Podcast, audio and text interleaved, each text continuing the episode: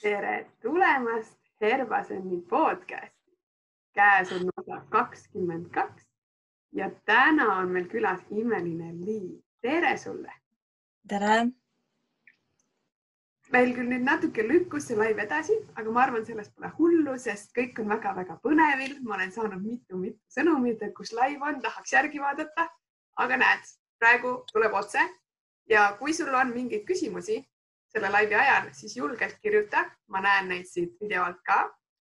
aga me alustame ikka minu lemmikotsast ehk siis tahaks lugu kuulda.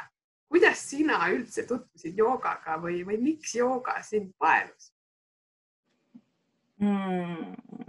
täitsa algusest jah issand, see oli nii ammu aega tagasi, kes seda enam mäletab küll sa ikka mäletad mm. -hmm no siis ma elasin äh, Tokyos ja olin päris noor, vist kakskümmend kolm, kakskümmend neli. ja ma ei tea, elutempo oli nii kiire ja oli vaja midagi, mis siis nagu aja maha võtaks ja saaks nagu endaga rohkem tegeleda.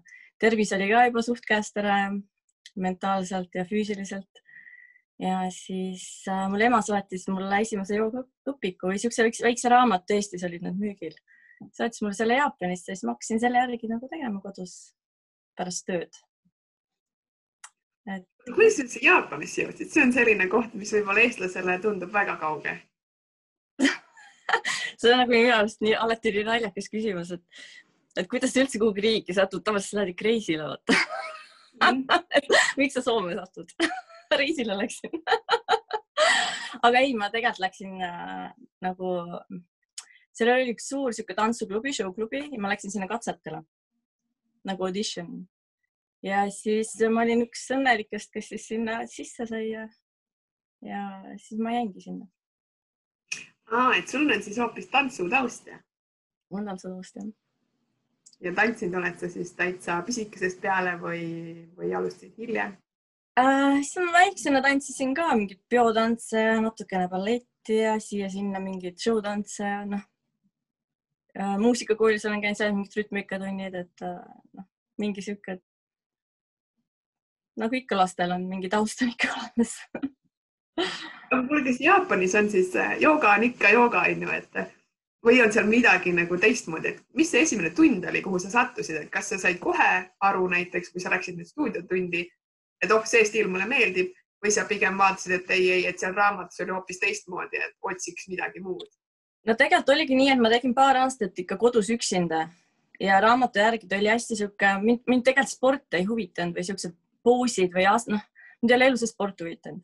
ja siis mind, mis mind sellest paelus, oligi see, et ma nagu läbi hingamise sain minna sügavamale sisse, ma nagu läksin rahulikumaks, mul oli nagu noh, nii mõnus aeg, see kõik see küünlad ja see mõnus muusika ja see nagu see spirituaalne atmosfäär minu jaoks oli nagu nii võluv ja see nagu noh, ootasingi seda momenti iga päev, et ah, saaks lõpuks panna nagu ja rahu, rahulikult panna.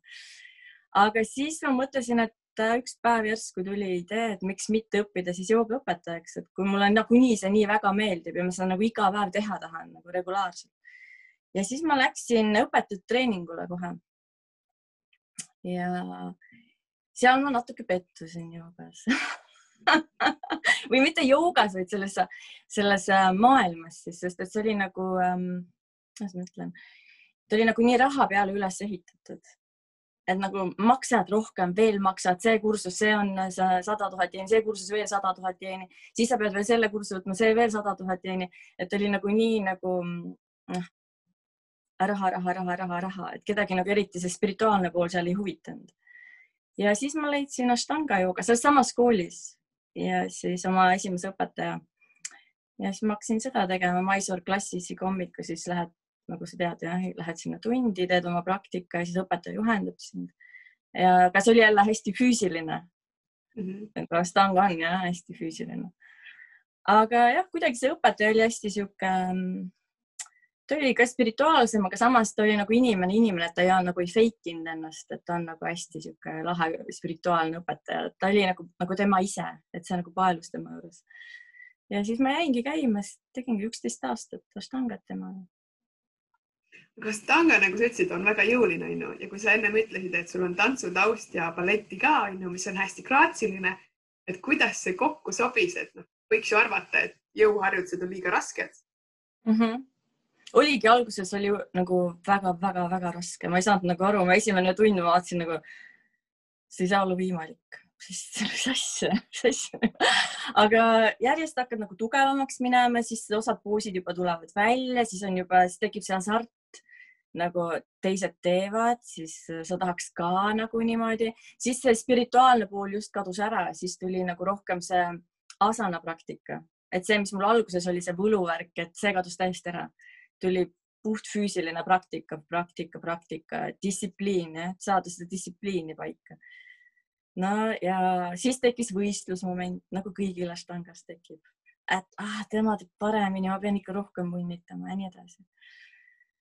aga jah, noh, siis sa lõhud ennast ära loomulikult, kuna võistlusmoment tekib, onju siis kõigil seal seljavalud ja mis iganes hädad. ja siis sa õpid jälle. See on hästi levinud ja Ashtanga, noh, vähemalt Jaapanis oli, et Ashtanga inimestel enamustel olid seljad valusad kuna nad nagunii punnitavad seda või nagunii noh, forcefully käib see asi kõik, et see nagu, sul on tempo esiteks taga, siis äh, teised teevad ees, siis sa tahad ka ja noh, hästi sihuke pushing oli. et siis ma lõpetasin ka, siis mul oli seljavalud mingi, mingi aeg, siis ma proovisin kõik poosid uuesti ise käsile võtta, nullist üles ehitada, et mis ma siis ikkagi valesti teen nendes poosides sest et ega õpetaja tuleb, ta parandab sind, aga ta täpselt ei seleta sulle, mis sa täpselt seal valesti teed, kuna Mysore on niisugune suht kiire praktika ja et ta tuleb, paneb sind poosi, aga ta ei seleta, mis sa täpselt tegid. noh, äkki sa teeksid siit rohkem nii, äkki siit rohkem nii, et siukest asja ei olnud. Ja siis ma võtsin ükshaaval need poosid kõik läbi ja siis ma sain aru täpselt, äh, mis ma tegin valesti, miks mul nagu see selg valutama hakkas, et ma nagu noh, kodus pidin ikka hästi palju tööd ja vaeva endaga tegema, noh nägema ja siis ma sain nendest lahti. no vot. ja siis tuli huvi minna õppima edasi õpetajaks või kuidas sul see tuli, kui esimene koolitus oli selline, nagu sa pettusid, onju, siis tulid veel mm -hmm. valud, et kuidas sul see usk ikka oli, et tahaks nagu midagi veel õppida, et äkki on midagi muud ka? no eks ta ikka, noh, esiteks ta distsiplineerib sind, see joogapraktika üldse, ükskõik, kas seljavalud, mis iganes, et sa saad nendest üle, kõik on ikkagi ajutine ja siis ma sain ikkagi tööd fitness klubides ja joogaklubides ja nii edasi, et et noh, see joogateekond jätkus juba tänu sellele, et mul äh, olid tööotsad ja pluss õpetaja kogu aeg helistas, kui ma tundi ei jõudnud, siis ta helistas või saatis kirja, miks ei ole tunnis, miks ei ole tunnis, et noh, õpetaja push imine ka sealt ikka aitab hullult kaasa, et joogas ähm, Jaapanis on see hästi äh,, ma ei tea, nagu õpetaja käib järgi sulle kui sa tundi ei tule, et see on nagunii nendel sees. Et miks sa ei tulnud, et äh, seda distsipliini paika saada, et ma teen ise nüüd Eestis samamoodi, et kui ikkagi tundi ei tule, siis kirjutan, miks ei ole tunnis, et see ikka distsiplineerib minu arust. Noh, mind distsiplineeris, ma arvan, et teisi distsiplineerib ka, et sa ei ole päris ükskõikne, et õpetaja näeb ikka, et sa oled seal ja sa oled tähtis, et sa nagu käid seal. et see oli nagu lahe minu arust. ja siis äh, jah, ma jätkasin, seljavalud kadusid ära, tervis läks paremaks, ise läksin hästi tugevaks tugev sa oled, ma isegi vaatan kogu aeg su Instagrami feed'i lihtsalt ulmeasendid, mis sa kõik välja võtad, et see tundub nii nagu lihtne, onju, aga samas ürita järgi teha, vaata, et noh, ega ikka ei tule küll, eks mm -hmm.. noh, tegelikult ongi, ta on ikka suht ainult praktika ja mentaalne, mentaalselt, kuidas sa töötad sealjuures. et see ei ole nagu, see ei jää nagu jõu taha, vaid kuidas sa oskad oma keha kasutada kas sa pikendad, kuidas sa teed enda keha kergemaks läbi pandade ja nii edasi asjade.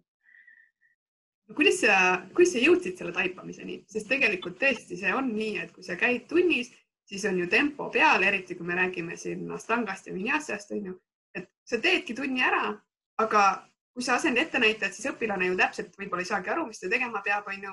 Et kuidas sa ise selle taipamiseni jõudsid või, või oli see näiteks mingi hetk, kui sa tegid mingit asendit ja sa järsku mõtlesid, et aa, aga prooviks nii. Ja siis sa said aru, et näe, et peakski neid lukkusid hoopis rakendama või ütles sulle keegi, et kuule, tee teistmoodi?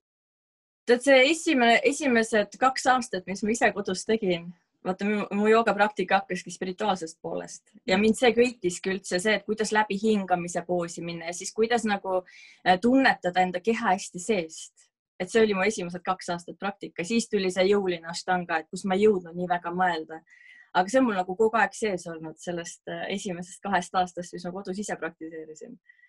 Et äh, jah no pluss need pandad tulid siis koolis juurde, et nendest pandadest ma eriti midagi ei teadnud, aga mul õpetaja käis järel kogu aeg, mulle panda, Udiana panda, mulle panda, Udiana panda, et see oli iga teine sõna mul tunnis nagu, mis ma kuulsin.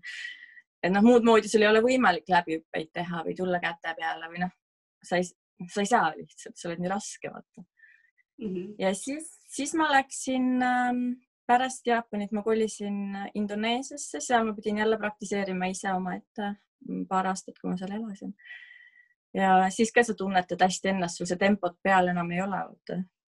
siis sa saad nagu ainult endaga võistleda proovid ennast ainult tunnetada, sa ei vaata neid teisi inimesi, sul ei ole seal kedagi üksikul saarel, kui elad. et äh, jah, siis ma tegin seal õpetajate kursused järgmised viissada tundi. ja nii ta läks. Sa olid nii palju tegelikult välismaal olnud, on ju, et kui sa Eestisse tagasi tulid, siis see ei olnud nagu hirmutav, et see nagu välismaal on ju teistmoodi, on ju, õpetaja käib järgi, on ju, natuke tuletab meelde. siin on kuidagi see selline, et noh, tule kui tahad või ole kui tahad ja tee täpselt nii palju kui jaksad, on ju mm. -hmm. oli nagu suur erinevus või sa pigem ei märganudki erinevust? on väga suur erinevus ja, sest et kui äh, ma läksin hommikul tundi, siis äh, ma tööt-, kuna ma töötasin öösel, ma lõpetasin kolme-nelja isegi vahest viiest öösel töö ja kell seitse läksin Ashtangat tegema, et ma seal poolteist tundi vahepeal magasin. et ma olin nagu surmväsinud, aga ma ikkagi noh, vedasin endast sinna kohale, et see distsipliin oleks paigas ja nii üksteist aastat, et äh, noh, ma arvan, et tänu sellele, et ma seda joogat tegin veel elan, et ma jõudsin seda energiat genereerisin ikkagi. et aga õpetaja oli ikkagi nii, et äh, mis siis, et väsinud oled et kukkusin, ükskord seal kukkusin päris julmalt backbend'ist pidin taha minema, kukkusin pea peale. siis õpetaja tuli, tokis mind jalaga, et uh, keep practicing or go home uh,. okei okay,, I think I go home ja siis, kui väga väsinud oled, siis uh, uh, you should drink some snake poison or something to get energy. et ei olnud niisugust, et ah, tee nii palju, kui saad. konkreetselt tulid siia, siis praktiseerid.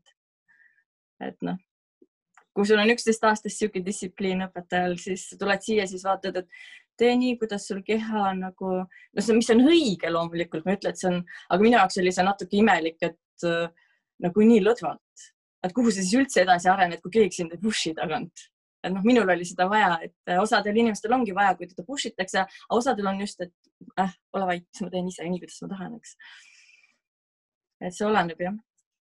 üks ei välista teist, mõlemad on õiged kindlasti, aga see ongi nii huvitav kuulata, et alguses sa ütlesid, et sport pole sind kunagi huvitanud, onju, aga samas mm -hmm. tangaga sa oled läinud nagu spordi sisse, onju, et seal on ka kogu aeg see, et treener ju motiveerib ja siis sa teed ja sa pingutad ja tulemused tulevad mm. -hmm. no kui sa pead, siis pead, vaata. noh, kästakse siis äh, alla distsipliinile. et see on nagu osa, osa joogast, sa pead lihtsalt et see on ka nagu mõistuse kontrolli alla saamine, et äh, alguses ju, kui sa poose teed, et sa väsib äh, mõistus ära. sa mõistusega ei jõua lihtsalt, et ah, ma olen väsinud, sa hakkad sellele kaasa elama veel, kui väsinud sa oled. ja siis sa väsid täiesti ära, sa ei jõuagi midagi, aga kui sa saad sellest point'ist nagu Ashtangas ma seda õppisingi, et kui sa saad sellest äh, point'ist üle nüüd, kus sa ära väsid, et vot ei ole, ma nüüd kontrollin ennast, siis tegelikult tekib tohutu energia. et sa nagu suudad tegelikult rohkem et äh, noh, selle ma õppisin ära ja nüüd, nüüd kuna ma štangat enam ei ole teinud päris mitu aastat, olen leidnud oma. no ma ei jõua ka enam štangat teha, see on nii meeste praktika mul lähevad käed nii suureks või tahavad mu käed nii suured. et äh, ma selle štanga jätsin nüüd sinnapaika, et ma teen oma praktikaid, et äh, jah, et see kuidas mõistusega nagu töötada nendes poosides, see mind hullult huvitab. kas sa oled märganud ka tavaelus, et sa oled selle kaasa võtnud, et kuidas nagu energiat endale juurde tekitada, ilma et sa teeks praktikat näiteks?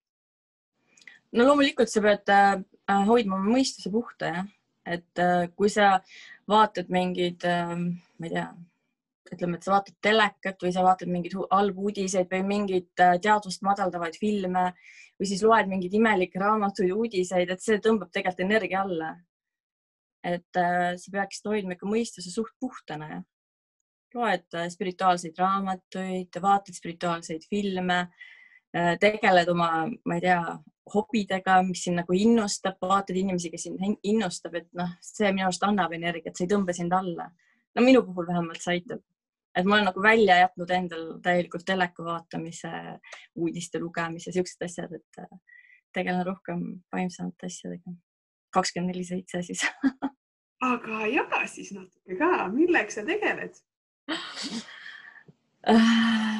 paljude, paljude asjadega. ma ei teagi, kus ma nüüd siis alustan kuidas sa oma vaba aega näiteks veedad? ütleme, et see ei ole nagu mingi tööga seotud või joogaga seotud no mm. -hmm. on natuke vaba aega ka joogaga seotud, aga mis su eelistegevused on? no hästi palju tegelen muusikaga igapäevaselt äh,. õpin laulmist, mängin klaverit äh,. Jah, õpin laulmist, see on põhiline, siis põhiaeg läheb sinna, pluss siis kunstiprojektid, mis meil on mingid välja mõeldud, joonistan. et jah, et põhiaeg lähebki nende peale, jooga, muusika, kunst, et mul muud aega nagu ei, ei ole spirituaalsed raamatud ja kirjutanud õhtuti, et noh. aga siis laulmist ja kunsti sa nagu lapsepõlves kuidagi õppinud ei ole või oled?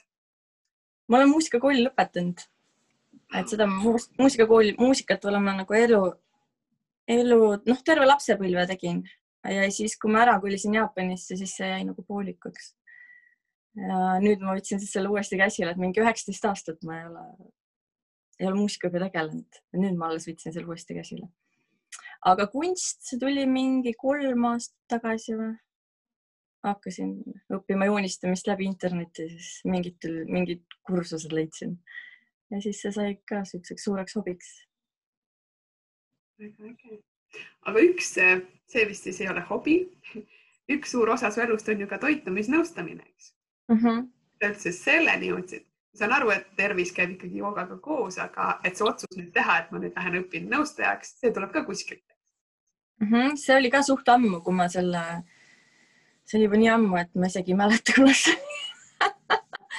aga ma arvan, et äh, nagu paljudel, paljudel noortel ka tänapäeval on äh, need äh, söömis äh,, söömishäired jah mm. -hmm. ja minul olid ka söömishäired, aga ma nagu ei teadvustanud seda või ma ei saanud nagu aru sellest. ja siis ähm, keegi mulle kunagi ütles, et Lii, et kuule, et sa näed nagu anoreksik välja juba, sest et Jaapanis on, ähm, ütleme, et sa oled viiskümmend kaks kilo ja siis nende jaoks sa oled hullult paks.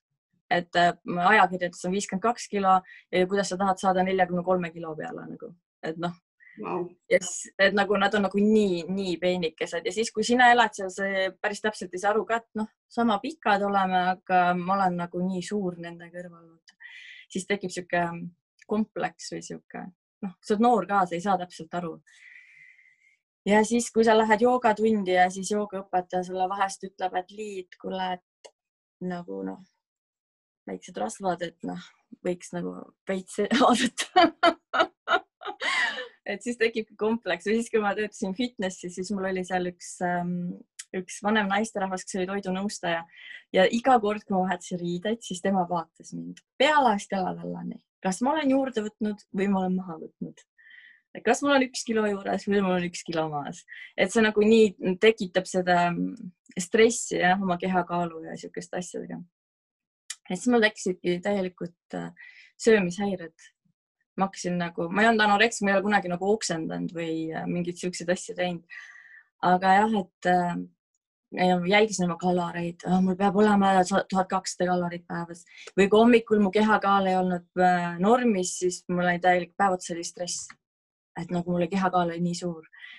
ma ja väga paljudel on see, aga see on niisugune sala, salavärk, et keegi sellest ei räägi, et see on niisugune tõuseb hommikul üles ja stress tekibki sealt, kaalunumber oli vale või siis, äh, siis viimane aeg oligi, kui ma sain aru, et mul on mingi jama oli kui ma hakkasin äh,, läksin poodi ja ostsin hästi palju süüa. siis ma mõtlesin, ma pean selle kõik ära sööma. aga ma ei jõudnud ja siis ma närisin selle ära ja ma sülitasin selle välja.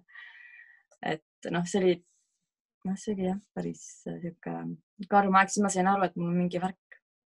Siis ma hakkasin otsima siis mulle üks sõbranna tutvustas, et on niisugune Natural Healing Institute, et seal saab õppida siis toidunõustamist ja seal tänu sellele kursusele ma arvan, et ma sain sellest kõigest nagu üle. et see oli päris sihuke, jah, sihuke aeg wow. see on nii hea, et sa seda selles mõttes jagad, et ma usun, et neid on ju veel lihtsalt võib-olla teiste taustadega, aga nii palju on ikkagi seda ju tänu ajakirjandusele ja kõigele ka Eestis. olgugi, et meil ei ole nii, et viiskümmend kaks kilo ja kuidas saada neljakümne kolme peale mm. -hmm. on palju just tänu selle Instagrami ajastule, kõik on veel filtritega ära tuunitud ja megapeenikesed ja siis sa vaatad mm, -hmm. sinul on midagi valesti no täpselt on jah, ja kui keegi veel innustab ka sealt kõrvalt, et kuule, et sa nagu noh, et kui sa oled nelikümmend seitse ja mingi nelikümmend seitse, nelikümmend kaheksa kilo, et sul on ikkagi paar rasavolti nagu külje peal, siis tekibki see kinnisidee, et noh, ma olengi nii paks, et sa ei saagi aru, vaata. aga jah, õnneks ma sain sellest, äh, sellest üle tänu sellele kursusele, mis ma õppisin ja sa oled ikka väga tugev inimene, sest ma kujutan ette, et tegelikult see ikkagi vajab nagu väga suurt tuge enamasti, et üldse esiteks teadvustada, et nüüd on midagi valesti ja teiseks, et mhm. julgeda abi otsida või arendada ennast nii palju, et sa oskad ennast aidata mm. -hmm nojah, siis kui sa lõpuks seal kõik selgeks noh, esimene asi ongi see, et sa teadvustad seda, et sul on probleem. ja kui sa lõpuks saadki teada, et sul on probleem, siis äh, jah, selle käsile võtad ja õpid ja siis ikkagi muutub siin kõik, et noh. jah, ja siis õpidki tervislikult toituma, siis saadki aru, et sa suudad ikkagi kaalu nagu hoida normis ka ja nii et sa ei pea näljutama ennast et see on nagu normaalselt. aga kui ja. sa nüüd vaatad oma nii-öelda klientide pealt, kui halb seis nagu Eestis on või noh, see muidugi kõiki ei näe, aga, aga nende pealt, kes sul on, et kas nagu pigem näljutatakse või pigem saadakse aru, mida peaks sööma või kuidas peaks sööma, et saada soovitud tulemused või otsida mm -hmm. kiireid lahendusi? no ma ei tea, Eestis ma noh, enda enda klassi pealt, ma arvan, et nad on suht normaalsed, et nad nagu minu arust nad ei näljuta ennast või ei ole niisugust, ma ei ole tähele küll pannud, aga keegi nagu ei räägi ka, ega ma ei tea, mis hinges inimestel toimub, jah. ma lihtsalt räägin selle välja, ma võiks ka saladuses hoida kõike, aga noh, mul on sihuke latatara ju siis. Aga samas vahest on jälle hea, kui keegi nagu välja räägib, tulebki ja ta otsibki probleemile lahendust, et siis saabki abi, eks ju ma ei tea, ma enda klassi pealt ei oska vaadata, ma arvan, et suht normaalne on see olukord, et ma nagu räägin, räägime küll hästi palju tervislikust toitumisest ja aga samas see ei tohiks nagu saada kinnisideeks, et kui see toitumine ja see kõik saab nagu kinnisideeks, ega see ka hea ei ole, see hakkab nagu või kehakaal ja kõik need asjad, et see saab nagu noh, mental stressiks, et hea oleks ikkagi see energia panna mingi muu asja peale, ma ei tea, oma mingi hobi peale. et siis ei mõtle selle peale nii väga pannagi mõistus muu asja peale aga mida sa näed ennast nüüd edaspidi tegemas, kas sul on mingeid suuri unistusi veel või mingeid soove, mida sa õppida juurde tahaks mm? -hmm. tead, need tulevad äh, aja, aja jooksul, ma arvan, praegult ma olen väga rahul sellega, mis ma teen ja ma nagu ei äh, loo illusioone endale et ah, nüüd ma tahan veel seda ja seda. jätkan rahulikult, mul on oma distsipliin ja väärtustan seda, mis mul on antud momendil. et mulle väga rahul praegult, mõnus. aga praegu me ei ole sellest seal üldse rääkinud, et kus linnas sa paikned, kui keegi tahaks tulla sinu juurde nüüd, kas toitumisnõustamisele või trenni onju, kus ta seda teha saab? no mina elan Viljandis ja töötan Maeroobic stuudios joogaõpetajana. kes tahab, palun. kusjuures Tallinnast vahest käivad küll, infrajoogast käivad ka vahest siin Viljandis tundides. et äh, jah, Viljandis.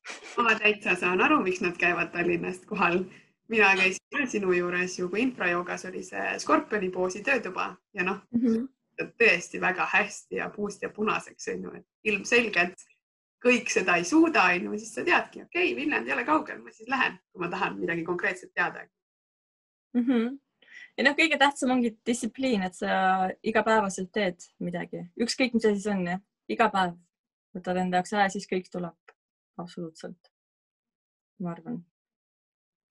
ma täiesti usun sellesse, tuleb uuesti käsile võtta peab jah, see on lihtsalt, see on see mati maharullimise aeg. Ma lihtsalt teen kümme minutitki, aga siis ta nagunii läheb rohkem ja siis sa juba lähed sinna sisse ja sulle juba meeldib see, eks. ja enda tunnetamist hästi õppida. aga sa oled nüüd päris palju rääkinud, mis sulle kõike meeldib, onju kas on äkki midagi, mida sa kardad ka või mis on veel hirmus, mida sa nagu mõtled, et tahaks nüüd selle ka enda jaoks ära lahendada, et siis on nagu kõik väga mõnus. ja on küll, ma hästi-hästi-hästi kardan lennuki sõitmist. väga kardan lennuki sõitmist ja nagu inimesed on kõik ah,, ma tahan nii reisile minna, ma olen terve elu reisinud, aga ma ikka kardan lennuki sõitmist ja ma üldse ei taha reisida, mulle ei meeldigi reisida, sellepärast et ma ei taha minna lennuki peale sõita sellega et mul nagu hullult mulle meeldib nagu ollagi Eestis, ma saan minna autoga ühest kohast teise. et see on jah, minu jaoks hästi katastroofiline, sest mul paar halba kogemust sellega olnud ja ma nagu samskaaradesse taha kinni jäänud kõik need asjad mm. -hmm. Et... ja teine asi on siis, äh, mis ma kardan, maavärinad, kuna mul on nendes nii palju olnud oma elus, et jooksed nagu elu eest, eks. ja siis tsunami. et no kui inimesed ütlevad, nemad tahavad ookeani ääres maja või siis ookeani ääres elada, siis mina see ei ole mina ei taha, kuna ma olen elanud ookeani ääres ja kus on maavärinad ja jooksnud, tsunami tuleb, jooksnud seal, et mul on nagu niisugused traumad sellest, et see, see ei ole minu unistus. mis ah,, kunagi oli, aga kuna ma olen selle läbi teinud, siis enam ei ole see vist ongi, et inimesed unistavad tihti ilma üldse kogemata ja siis on see, kui tuleb see kogemus, siis on nagu, et no tegelikult ma vist ikka ei tahtnud seda. Jah, jah, et ma olen nagu väga rahul siin Viljandis väikses korteris, rahulikult saan õhtul magada. ma ei pea mõtlema, et mul peavad riided olema seljas, päästevest kuskil, kuhu ma jooksma pean, kui maavärin tuleb. et see on nagu täielik luksus minu arust, et see on nagu selline nauding, et seda ei vahetaks küll mitte millegi vastu see toob jälle täiesti teise perspektiivi, see on nii tore kuulda, et noh, mujal maailmas on ju, sul on hoopis teised mured tegelikult mm. -hmm. jah. Aga sa ütlesid, et sa oled palju on ju reisinud nagunii, et kuidas sa siis äh, said selle lendamisega? mul on endal ka tuttavaid, kes kardab lennata ja noh, ei reisigi sellepärast, aga sa ju pidid. kuidas sa -hmm. enda jaoks selle siis äh, mugavamaks tegid? tead, äh, kui sa oled lennukil, lennuki peal ja nii hullult kardad, siis ainuke asi, mis ongi mõttes või noh, üldse, kui on hirmud, siis minul on mõttes, et Jumal ikka on esimene asi. pöördud Jumala poole konkreetselt, sest et noh, mille muu peale sa loota saad? Kui sa oled maavärinas, sul on üheksa palli nagu Tokyos, kui ma olin üheksa pallises maavärinas, see kaks tuhat üksteist. Mis sul ei tule pähe, et äh, naaber aitaks või keegi ema, isa, keegi? Ongi ainult Jumal, palun aita, et noh äh,, sul ei ole lihtsalt muud väljapääsu. et noh, sama on lennukiga, sa lähed lennukisse, siis ongi jah, kõikide, kõikide nende asjadega on sihuke, sihuke värk. ega sa enne, enne ei usugi vaata mitte millessegi, jumal, mis jumal, mis ta ikka nagu, aga siis, kui sa oled selles tõelises ohusituatsioonis, siis kõige esimene asi, mis sul pähe tuleb, on, on jumal millegipärast. kas see kuidagi on joogamatile ka tagasi peegeldanud, et sa oled kõik need asjad üle elanud? Kas sul seal nagu see ongi võtnud selle kogu hirmu ära, et noh, kardetakse igasuguseid tagurpidi asendeid või jõu mm -hmm. näiteks. kas see on kaasa aidanud või, või pigem on see lihtsalt praktika ja, ja jõu arenemine? ma ei oleks sellele mõelnud niimoodi hea tähelepanek. äkki ongi, äkki ongi, ma mõtlen, et nagu noh, sa oled siin mati peal, mis, mis sul juhtuda saab, kukud, kukud külje peal, so what noh, tõused püsti, teed uuesti ei no noh, sa ei sure ju ära seal, kes sureb ära joogamati peal, ma ei tea. minu arust kõige ohtlikum asi üldse joogas on, kui sa teed hingamisharjutusi valesti ja sa push'id oma hingamist, see on ohtlik. ja see, sellega peaks ette vaatama. aga asanaid, noh, kukud, tõused, kukud, tõused nagu väike laps, kukud, tõused, jooksed edasi, kukud jälle lõhkust ära, okei okay,, teed uuesti. et noh, ma ei, ma ei näe ja ma ei saa aru sellest hirmust, sellest hirmufaktorist. Ei tea aga kas sul on äkki, hmm, noh, sa küll ütled, et sul on muusika ja kunst ja kõik on ju igapäeva osa, aga kas sul on näiteks mõni kindel äh, rutiin, ilma milleta sa näiteks oma päeva ei alusta või päeva ei lõpeta mm? -hmm, ja on küll. mul päev hakkab tavaliselt äh, joogapraktikaga äh,, hingamisharjutused, asanad äh,, mantra, need on hommikul. No siis tulevad äh, muusika, õhtul kunst äh,. tööl käin ka vahepeal vahest käin töö, okei okay,, töö on mul hobi, et ma saan sellega nagu sinna sisse arvestada. Äh, ja siis õhtu on pühakirjade lugemine ja kirtanad altaris. et see on nagu, see on rutiin. iga päev. kuidas on näiteks äh, lugemisega? Kas sul on mõni lemmikraamat, läbi aegade lemmik või midagi põnevat, mida sa viimati oled just lugenud mm? -hmm. no praegult äh pühakirjad, need on meil, mis on igapäevane osa siis Bhagavatam äh,, Bhagavad Gita, joogasutrad, need on igapäevane, mis peab olema, eks, õigel joogapraktitsioonil et joogast natuke rohkem aru saada, et see ei ole ainult see asana praktika, eks, siis ongi nagu päris, päris raske vahest aru saada neist. Ja siis ma ei teagi, ma nagunii siukseid seiklusraamatuid vaata ei loe, et kui ma loen, siis ma loengi mingeid Ayanga raamatuid, kus ta õpetab joogat ja põhiliselt ikka spirituaalsed raamatud. ma niisama ei loe, ma ei viitsi ma arvan, et suht aja raiskamine on mingit juturaamatut lugeda, noh, see ei anna mulle midagi. See ei tõsta mu teadvust ei anna mulle midagi. et aga noh, muidugi võib lugeda, palun muidugi ma lihtsalt ei taha. see ongi hea, me just huvitamegi sellest, mida sina teed mida sa ei tee mm. -hmm. aga kus sa näed ennast näiteks äh, üheksakümne aastasena? või siis saja neljakümne aastasena? kuule, ma ei tea, see on nagu, kunagi ma tahtsin elada nagu hästi kaua, et nagu saaks hästi kaua elada. Aga nüüd, äh, kui, kui joogapraktikad lähevad järjest äh, sügavamaks, äh, siis mõtledki, et noh, sellel planeedil, et kas ma tahan nii kaua elada sellel planeedil, et on ju palju ilusamaid ja paremaid kohti, kus, kus sa saaksid noh, edasi minna, jätkata. et ma ei tea, ma ei oska öelda. ma loodan, et üheksakümne aastasena, kui ma elan nii kaua üldse et siis ma olen äh, natuke kõrgema teadvusega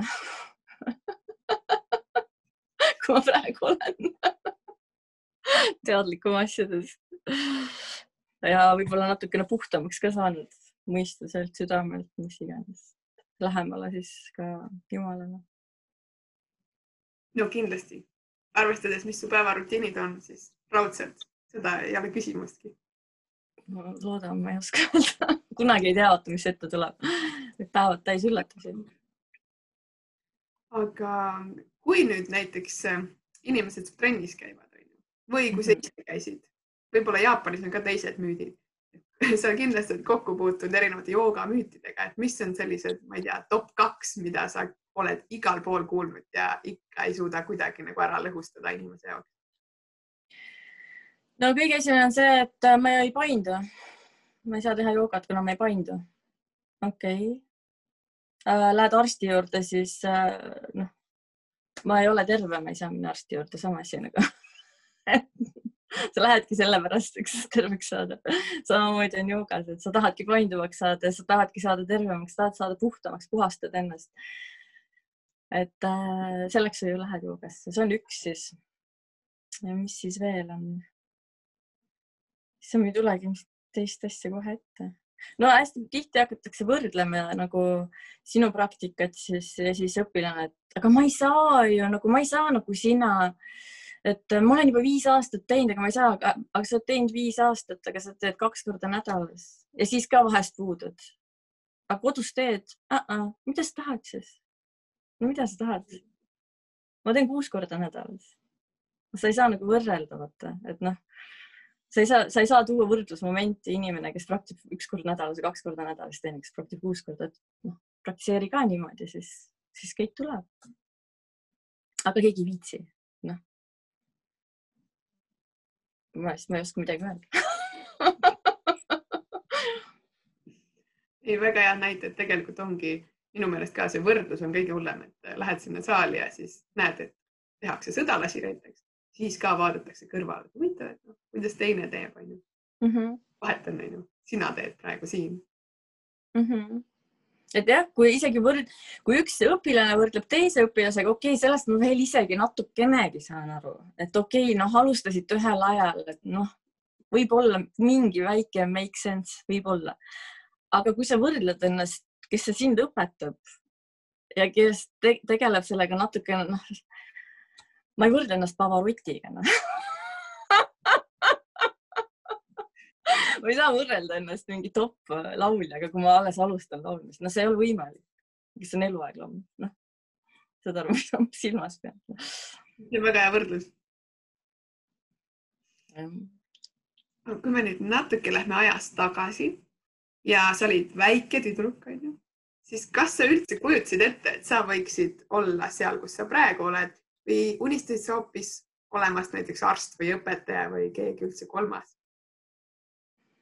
Mm, lapsena, issand, ma ei tea, võib-olla nagu kõik paljud lapsed on tahtnud saada mingiks näitlejaks ja lauljaks ja siukestes asjades, eks mul oli ka midagi siukest pigem. aga esimene raamat, mis ma raamatukogust võtsin, oli šamaani raamat, et noh, kuidas šamaaniks saada oh. et ju see spirituaalsus on minus ikkagi sees olnud noh, väiksest saati ka. aga on sul ka näiteks ma ei tea, vanavanaema või vanaema selline taimetark või, või kuskilt sealt äkki? oli ja mm, -hmm. mul oli ähm,, issand, ma ei tea, kas vana-vanaema või mingi sihuke üks lähedalt sugulane oli küll, kutsuti nõiaks teda, oligi taimetark jah. see ravis nagu taim, jah, oli. aga ma ei tunne teda. ma ei ole elus näinud, ei tea, aga ma olen kuulnud no räägitakse ju, et seitse põlve mõjutab meid, et siis kui on veel lähedalt ka, et siis mine tea, varsti oledki täitsa šamaan valmis seal. ai, šamaaniks ma ei saada ei taha jätan šamaani sinna uh,, jooga sest tegelikult nad on täiesti erinevad asjad. Veda kultuur ja šamaani kultuur on hästi erinevad. Aga kuidas üldse su sõbrad näiteks on kõrvalt vaadanud su teekonda kas nad on alati nagu aru saanud, et okei okay,, nüüd sa lähed Jaapanisse ja nüüd sa õpid joogaõpetajaks ja nüüd sa teed midagi muud, onju. kas nad pigem mõistavad või on olnud neid hetki, et oota, nüüd sa oled küll ikka täitsa ära pööranud, et miks sa nii teed? mul nagu lapsepõlves sõpradest üks on veel järel mm. -hmm. et ähm, noh, ma tun nagu tunned neid, aga ma ei suht-, me ei suhtle enam Äh, ühega ainult suhtlen, et tema käib nüüd siis joogas ka, et väga tore. jah. aga mul on jah tekkinud ikkagi uus tutvusringkond ja uued sõbrad, kellel on samad huvid ja noh, sest et ähm, no, joogafilosoofias öeldakse ka ikkagi, et kui sa tahad oma teadust hoida puhtana, siis suhtle ikkagi teatud ringkonnas ikkagi nende inimestega, kes aitavad sellele kaasa.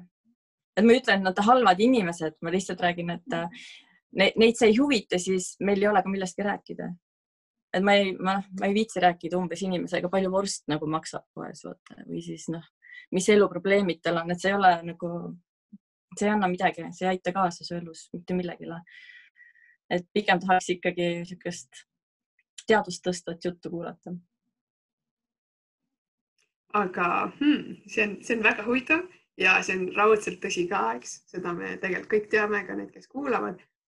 aga kui sa jõudsid sellesse hetke, on ju, et sa said aru, et noh, sa ei taha enam olla nende inimeste poolt ainult ümbritsetud, on ju. kuidas sa siis sellest nagu valikust edasi läksid, et kas sa nagu lihtsalt jätsidki, enam ei helistanud ja enam näiteks ei saanud kokku või sa tegid mingi kardinaalse otsuse, et sa kirjutasidki kirjad, et noh, nüüd on nii ja sina lähed, liigud edasi, on ju, et no hard feelings, aga lihtsalt nii on, on ju. ai äh,, tavaliselt, kui sul on ikkagi eesmärk kindel, mis sina oma elus tahad, siis äh, sulle võimaldatakse see ja see on mul hästi lihtsalt tulnud, et see on lihtsalt vaikselt sujuvalt ära kadunud.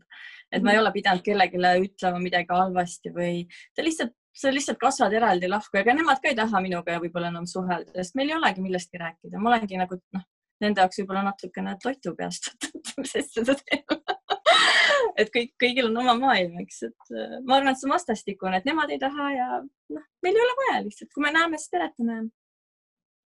aga on, no loomulikult osad inimesed on äh, tavaliselt siis meesterahvad siis, kellel vahest tuleb öelda natuke nagu noh, tõsisemalt, et nagu sorry, aga meil ei ole millestki rääkida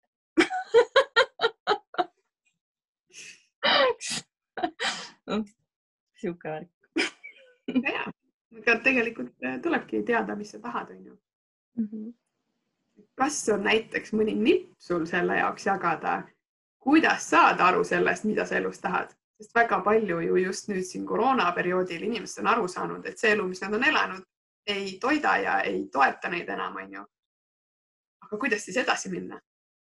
no tulebki võtta kätte vaimsed praktikad, ega muud moodi ei olegi võimalik. kui vaimne praktika puudub, siis ma ei näegi nagu mõtet, see ongi tühi vanglaplaneet, elad siin, orjad ja nii edasi. et jah, spirituaalne praktika on ainuõige tee minu arust. kuidas alustada? võta mõni spirituaalne raamat selle asemel, et istuda tele, telekas või siis äh, vaadata ja kommenteerida kedagi. hakka lugema, hakka tegelema endaga, mine esimesse joogatundi.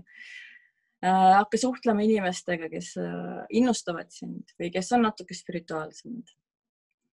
Neid on nii palju igal pool on, on ju. et noh, võta kätte, võta käsile ennast, ongi minu arust väga lihtne kas sa viitsid või ei viitsi, lihtsam on istuda muidugi netis ja kommenteerida kedagi või siis äh, või siis äh, vaadata telekast, mis sealt tuleb ja süüa telekast, see on kõige lihtsam. Ei sa tead, sinu valik. on ju? oih, nii. selle peale kukkus telefon ka alla. sinu valik sinu valik. aga lõppu natukene selline vimkaga küsimus ka, et ähm, kui me võtame sult ära selle joogaõpetaja tiitli, onju, võtame laulmise ära, võtame maalimise ära, onju, kes siis alles jääb? jumal. See on kõige kiirem vastus, mis on tulnud. see on aga see on ka kõige tähtsam asi, mis noh, joogapraktika, miks me teeme, et saada tagasiside Jumalaga, eks. see on äh, ega joogapraktika ei ole ju tegelikult poosid, mis sa teed. Need on nagu prayers, mis sa teed Jumalale, eks, mis sulle antud on. et see ongi jah, ainuke, mis alles jääb. see on ilusti öeldud.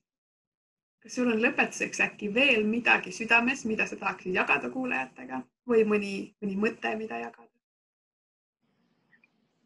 mm,? see ongi alati nii raske küsimus mis sa, mis sa jagada tahad ei ole midagi jagada tule tundi või otsi endale tund, tee joogat. võta ennast kätte sinu valik on ju, võta ennast. jah, sinu valik, mis sa tahad. Aga kui ta nüüd tahab näiteks eratundi, siis kuhu ta sulle kirjutada võiks? no Facebooki, ma arvan, see on kõige lihtsam viis. Messengeri või Instasse, ükskõik. jah alati ootan eratundi inimesi aga mina tänan sind nagu väga-väga, et sa võtsid selle aja ja jagasid natukenegi enda lugu, kuigi sulle võis tunduda, et sa oled seda juba korduvalt teinud, siis siin oli väga-väga palju uut infot ja mõtteainet mm. -hmm. loodan, et kuulajad sina ka said äh, juurde mõtte, mõtteid, said äh, kinnitust sellele, et tuleb valida nüüd midagi, mis suunas tegutsema hakata ja kui sul on veel küsimusi, sa võid Liile otse kirjutada või võid ka siia video alla jätta kommentaari. aga aitäh sulle, väga tore oli oleks tahtnud sinu juttu kuulata rohkem, aga okei okay. kunagi pole, täna oli sinu päev ja järgmisel nädalal on meil juba uus põnev õpetaja siin otse-eetris. kuulame, näeme ja püsime terved.